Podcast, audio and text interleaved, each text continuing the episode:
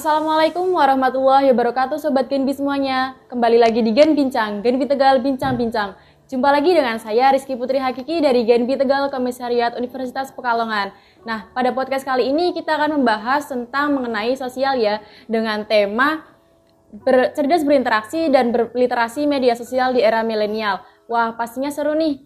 Dengan harapan eh, teman-teman semua bisa bisa lebih aware tentang pentingnya kita menjaga privasi dari media sosial kita. Nah, pembahasan podcast kali ini kita ditemani oleh narasumber kita yaitu dengan Pak Aji Cokro Dewanto. Assalamualaikum Pak Aji. Waalaikumsalam. Ya. Bagaimana kabar Bapak hari ini? Alhamdulillah baik. Boleh disapa dulu ya teman-teman Sobat Genbi semuanya. Hai Sobat Genbi.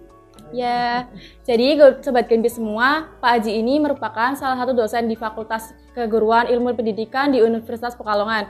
Dan beliau juga merupakan seorang psikolog loh. Dah, Beliau juga merupakan pembina UKM Pikma di Universitas Pekalongan tahun 2019 sampai sekarang. Beliau juga menjabat sebagai Kepala Divisi Konseling di UPGK Universitas Pekalongan dan beliau merupakan anggota Divisi Pelatihan Internasional Office di Universitas Pekalongan. Baik, begitu tadi sekilas perkenalan yang bisa mempersingkat waktu kita ya. Timbalah kita waktunya untuk membahas tema podcast kali ini kita akan ngobrolin tentang berkaitan dengan tema tadi, cerdas berinteraksi dan berliterasi media sosial di era milenial. Tentunya familiar dengan yang namanya literasi digital. Nah, menurut Pak Aji ini, eh, apa sih literasi digital itu dan manfaat apa sih yang bisa kita dapatkan daripada literasi menggunakan digital, daripada literasi menggunakan seperti yang biasa kita gunakan seperti kayak membaca buku atau yang lainnya? Ya, baik. Literasi itu adalah kemampuan kita dalam mengelola informasi atau mengambil informasi. Sebenarnya bisa dalam arti yang lebih luas, yaitu terkait dengan kemampuan kita dalam memanfaatkan sesuatu. Misalnya buku, misalnya juga majalah, koran, surat kabar, dan lain sebagainya. Karena kalau kita bicara literasi, itu berkaitan dengan keterampilan kita dalam membaca dan mengolah informasi dari bacaan. Kalau tadi yang disampaikan oleh Mbak Kiki itu terkait dengan literasi digital, bedanya apa? Ya bedanya dari sumber bacaan yang kita dapatkan. Kalau literasi yang umumnya kita peroleh dari buku, sekarang dengan digital kita bisa mengambil literasi, mengambil informasi atau membaca sesuatu hal dari internet, misalnya dari komputer kita, dari handphone kita yang terhubung dengan internet, seperti misalnya dari uh, media sosial, ya kemudian dari situs-situs website dan juga yang lain sebagainya. Dan bahkan kalau kita bicara digital, sekarang tidak terbatas lagi pada sesuatu yang bentuknya tulisan, tetapi juga bisa berbentuk misalnya seperti podcast, ya audio, atau juga dengan video seperti itu. Keuntungannya apa? Tentu saja keuntungannya lebih praktis, lebih mudah diakses, lebih banyak pilihan, sehingga lebih banyak informasi yang bisa kita dapatkan. Kalau kita bicara tentang eh, manfaatnya, setiap uh, sumber itu punya manfaat kalau kita bicara buku misalnya ya, buku ada manfaatnya ada. Kalau kita baca buku itu kita punya uh, satu pegangan yang jelas, kita bisa membacanya dengan lebih rileks karena kadang-kadang kalau kita natap layar terus itu mata kita juga capek, capek. kan seperti itu. Dan buku ini juga bisa jadi gift ya, bisa jadi apa eh, namanya hadiah buat orang lain kemudian bisa kita simpan, itu bisa memotivasi kita untuk membaca kalau kita lihat judulnya dan lain sebagainya. Nah, nah kalau misalnya digital itu juga ada kemudahannya juga. Apa misalnya kita bisa cari topik apa pun yang kita inginkan dengan sekali klik biasanya kita sudah mendapatkan apa yang kita inginkan itu. Tetapi memang harus kita waspadai karena tidak semua informasi yang ada dalam media digital itu langsung bisa kita percaya sepenuhnya. Betul. Nah, itu harus kita saring juga. Nah, kalau di buku itu kita bisa memilih buku yang baik, kalau di media sosial kita perlu memilah mana informasi yang memang betul-betul valid. Kira-kira seperti itu perbandingannya. Betul.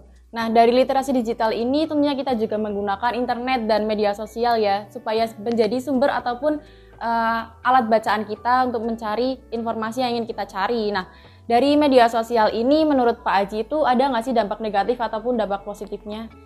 Ya, tentu ada media sosial itu sebagaimana kita bicara berapa benda yang lainnya ya pasti akan bisa kita pakai untuk kebaikan ataupun kita bisa salah gunakan atau kita kilaf gitu untuk melakukan sesuatu atau untuk mendapatkan sesuatu yang sifatnya tidak baik. Kebaikan dari media sosial apa beberapa di sudah saya sampaikan tadi, kita bisa dapat informasi lebih cepat, kita bisa dapat informasi lebih banyak, lebih mudah dalam menggunakannya, tetapi di sisi lain memang ada kelemahannya Kelemahannya apa? Kalau kita bicara tentang media sosial yang digital itu biasanya kita akan mendapati banyak informasi yang sebetulnya tidak kita butuhkan, tapi kita terpapar. Terpapar begitu banyak informasi sehingga kadang-kadang kita justru memikirkan sesuatu yang tidak perlu kita pikirkan.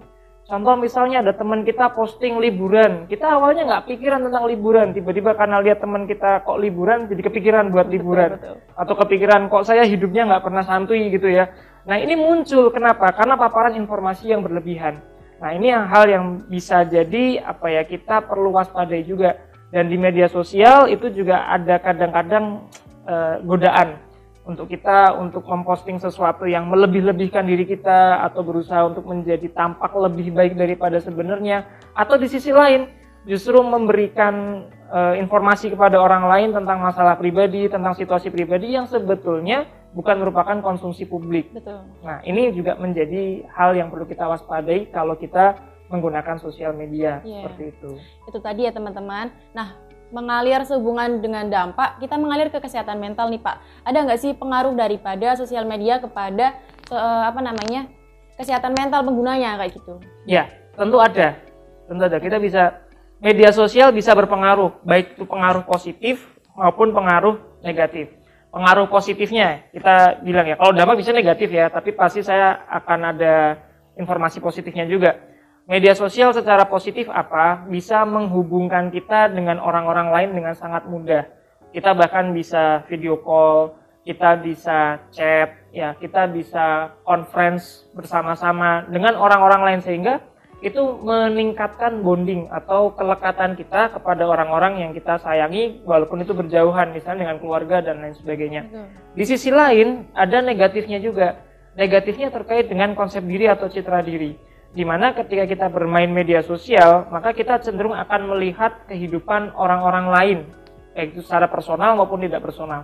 Dan biasanya mereka akan memposting sesuatu di media sosial mereka untuk sebagian orang itu adalah terkait dengan pencitraan. Nah, sesuatu yang tidak sesuai dengan realnya dan kadang-kadang kabar baik dari orang lain, posting sedang liburan, posting mendapatkan keberuntungan tertentu, posting hal-hal yang positif kadang-kadang justru membuat kita tertekan. Kenapa? Kenapa? Karena kita membandingkan diri kita sama orang lain melalui sosial media. Oh ya dia sudah begini, oh sih itu sudah begitu.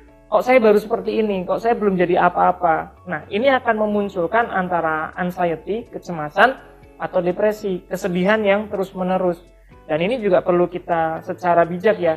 Kenapa? Karena kalau kita bermain media sosial atau kita memutuskan menggunakan media sosial, maka risiko itu sudah melekat.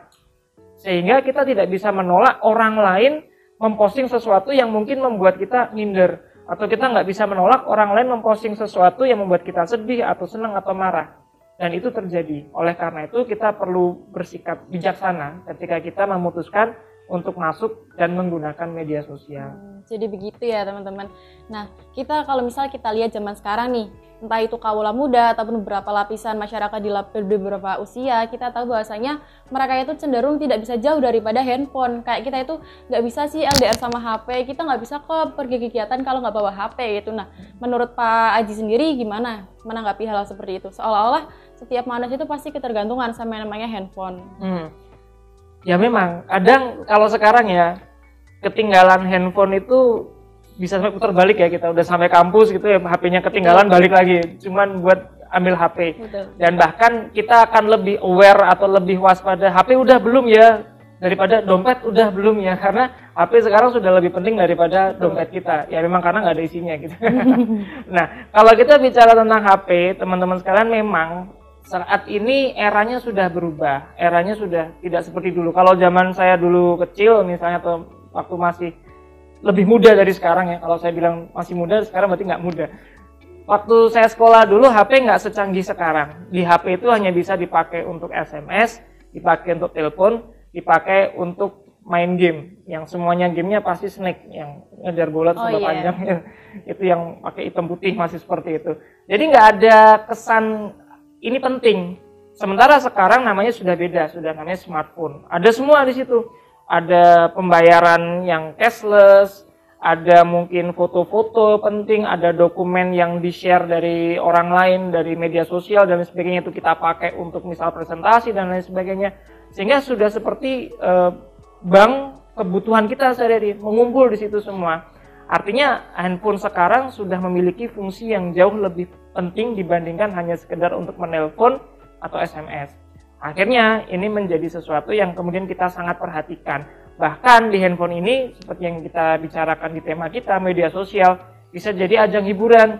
Kalau lagi gabut misalnya ya janjian sama temen jam 4 teman kita biasanya kan molor kan. Yeah. kita padahal udah molor tuh tapi teman kita lebih molor ternyata. Nah kita bisa ngapain? Bisa macam-macam dengan menggunakan HP betul. Nah ini yang menjadikan karena HP ini multifungsi multi kegunaan banyak yang bisa kita lakukan di situ sehingga menjadi alat yang yang sangat tidak bisa dilupakan betul gitu. kira-kira seperti itu ya iya seperti mm -hmm. itu oke setelah kita mengulik sedikit gambaran mengenai media sosial ini entah dari tadi literasi digital, kemudian ada dampak positif negatif bagi kesehatan mental kita dan bagaimana kita harus uh, mengolah kita privasi kita ketika kita bermain media sosial. Nah, Baik untuk selanjutnya, kita sebagai kakak bola muda nih Pak, biasanya masih bingung dan sibuk mengulik dirinya sendiri dan mencari jati diri. Nah, gimana sih pengaruh sosial media terhadap konsep diri? Nah, terus mungkin Sobat Genbi semua atau yang mendengarkan supaya bisa menghindari hal-hal yang memang berasal dari sosial media yang mungkin memiliki pengaruh entah besar atau kecil terhadap pengaruh konsep diri tersebut.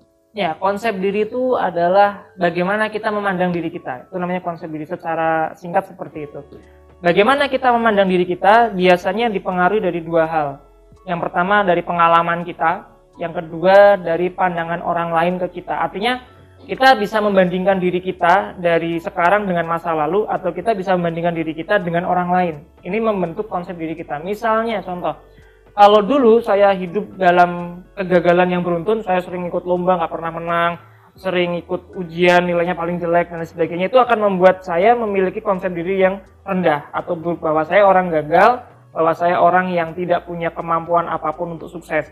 Di sisi lain, ketika kita berhubungan sama teman-teman yang tidak suportif, yang mereka misalnya lebih suka menghina, lebih mengecilkan kita, membuli kita, merundung kita, atau memamerkan sesuatu di hadapan kita yang kita tidak mampu atau kita jelas-jelas tidak sampai ke level itu, itu juga akan membuat diri kita menjadi konsep dirinya rendah. Dan itu semua bisa dilakukan melalui sosial media.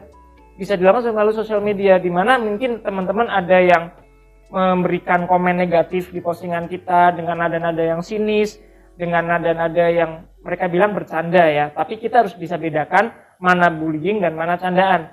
Kalau ada orang menghina kita, mereka bilang itu candaan, kita harus sampaikan kepada mereka secara asertif. Asertif itu terbuka apa adanya bahwa kita tidak menyukai apa yang mereka lakukan kepada kita. Kalau mereka berhenti, oke, okay, mungkin mereka memang bercanda. Tapi kalau mereka tetap meneruskan itu, melanjutkan apa yang mereka lakukan kepada kita, walaupun kita sudah bilang kita tidak suka, itu bisa jadi perundungan. Nah, ketika kita membandingkan diri kita saat ini dengan masa lalu, atau ketika kita membandingkan kondisi kita dengan orang lain yang kita lihat mau tidak mau dari sosial media ketika kita buka kan pasti ada update. Ya entah itu status, entah itu postingan atau apa pun.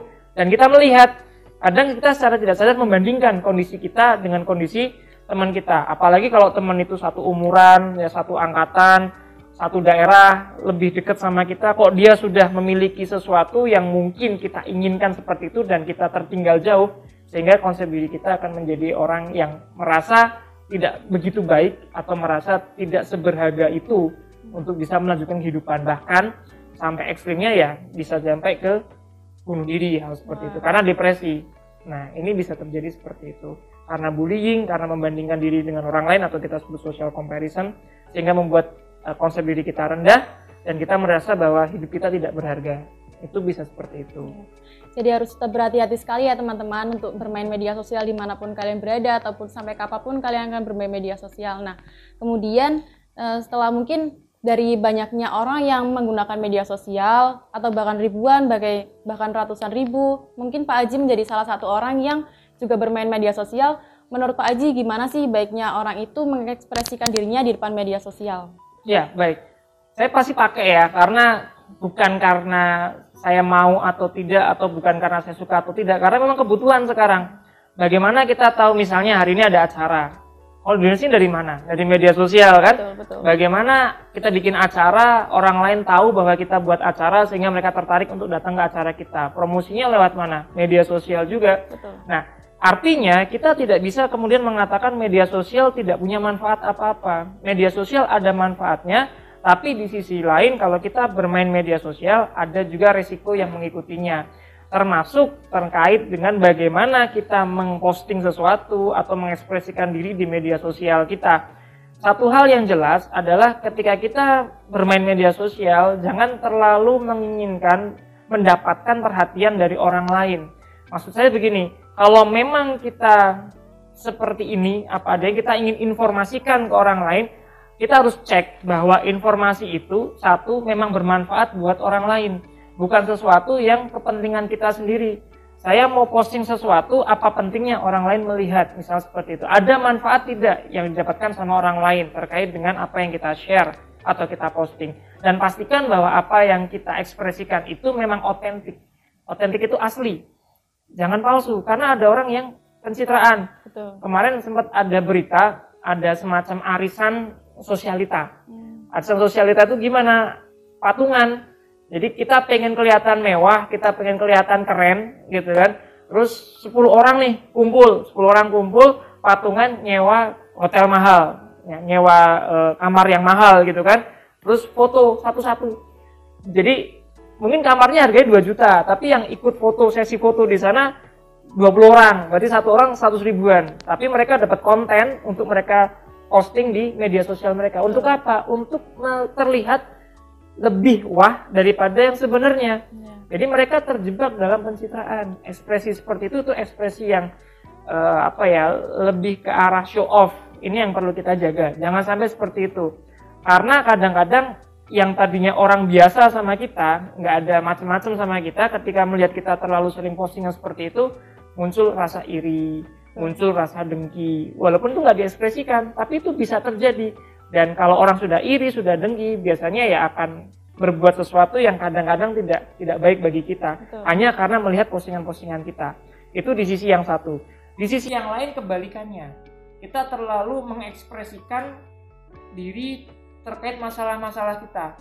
Jadi sedikit-sedikit mengeluh ya, sedikit-sedikit menceritakan keburukan atau kemalangan yang kita hadapi atau menceritakan sesuatu yang sifatnya masalah-masalah pribadi kita yang apa pentingnya orang lain mengetahui itu. Kalau memang kan kadang ada yang posting terus direspon, terus kita respon balik bukan urusan kamu. Lah kalau bukan urusan kamu ngapain kamu posting kan gitu kan? Jadi lebih baik kalau kita ada masalah atau kita membutuhkan bantuan kepada seseorang atau kepada orang-orang yang kita percaya, alangkah baiknya kalau kita langsung menghubungi tanpa harus memamerkan itu situasi kita karena memang tidak semua hal dalam kehidupan kita itu perlu diperlihatkan. Karena reaksi orang ketika melihat kita, kadang yang kita lagi senang mereka iri, kadang kita susah mereka malah senang dan mendoakan tetap susah macam-macam orang itu Betul. nah akhirnya kita perlu bijaksana tidak terlalu mengeksploitasi diri kita semuanya dalam berekspresi cukupkan pada sesuatu yang kita anggap satu memang bisa memberikan manfaat buat orang lain yang melihat nah pedomannya di situ kalau saya kasih info sesuatu atau saya share cerita saya yang punya hikmah misalnya atau punya punya manfaat buat orang lain, punya informasi buat orang lain, jadi bahan renungan orang lain atau jadi bahan motivasi buat orang lain, nggak masalah. Tapi kalau itu hanya sebatas untuk menunjukkan ini loh saya, saya keren, saya bagus, atau ini loh saya, saya lagi ada masalah, hidup ini nggak adil dan lain sebagainya, kita harus pikir ulang bagaimana respon orang lain terhadap postingan kita kalau seperti itu. Jangan sampai justru kita mendapatkan reaksi yang kurang baik dari para netizen ya. Maha benar netizen dengan segala cuitannya. Betul sekali. Ya, seperti itu. Itu ya teman-teman. Kita benar-benar harus menyaring juga apa yang ingin kita sampaikan kepada sosial media dan apa yang akan sosial media berikan kepada kita. Kita harus pandai-pandai dalam menyaringnya. Supaya apa? Supaya kita bisa menjaga uh, kesehatan mental kita sendiri. Kita bisa menjaga bagaimana pengkonsepan diri kita sendiri seperti itu. Untuk selanjutnya nih akhir-akhir ini kan terkadang marak itu uh, apa yang namanya? Kasus bullying ataupun perundungan di sosial media dan juga ada yang namanya kasus body shaming nih Pak melalui melalui media sosial. Nah, menurut Pak Aji itu bagaimana sih Pak kita sebagai pengguna media sosial juga tentunya untuk menanggapi hal tersebut ataukah respon kita terhadap si korban itu harus bagaimana supaya terkadang kan ketika menjadi korban uh, perundungan ataupun korban daripada body shaming itu pastinya memiliki keguncangan mental nih Pak. Nah, seharusnya kita itu memposisikan seperti apa itu? Ya, oke. Okay. Terkait dengan mungkin saya berbuli ya, ini bahasa kita saya berbuli. Bully itu perundungan teman-teman atau sobat Gembi. Kalau kita bicara perundungan, itu kita bicara suatu situasi di mana ada satu pihak yang melakukan mungkin bisa agresi, bisa pelecehan, bisa menghina, bisa macam-macam yang merugikan pihak lain.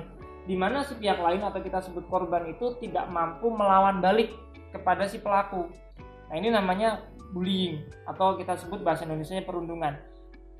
Pelaksanaan perundungan atau aktivitas perundungan yang menggunakan media sosial, misalnya memposting uh, foto memalukan dari si korban, di-share, diviralkan, atau kemudian memberikan komentar-komentar yang negatif terkait dengan satu postingan dari korban dan lain sebagainya. Nah, ini membuat kita perlu untuk bisa apa ya, mengambil peran.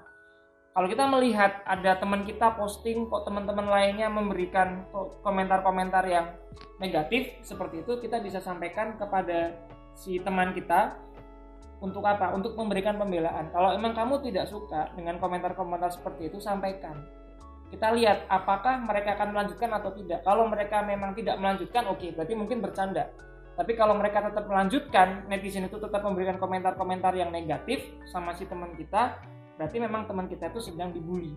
Nah, caranya bagaimana? Kalau orang yang dibully itu membutuhkan satu sosok yang bisa melindungi karena sejatinya korban bullying atau body shaming yang terbully begitu ya itu membutuhkan sosok yang bisa melindungi karena mereka tidak bisa membela dirinya sendiri.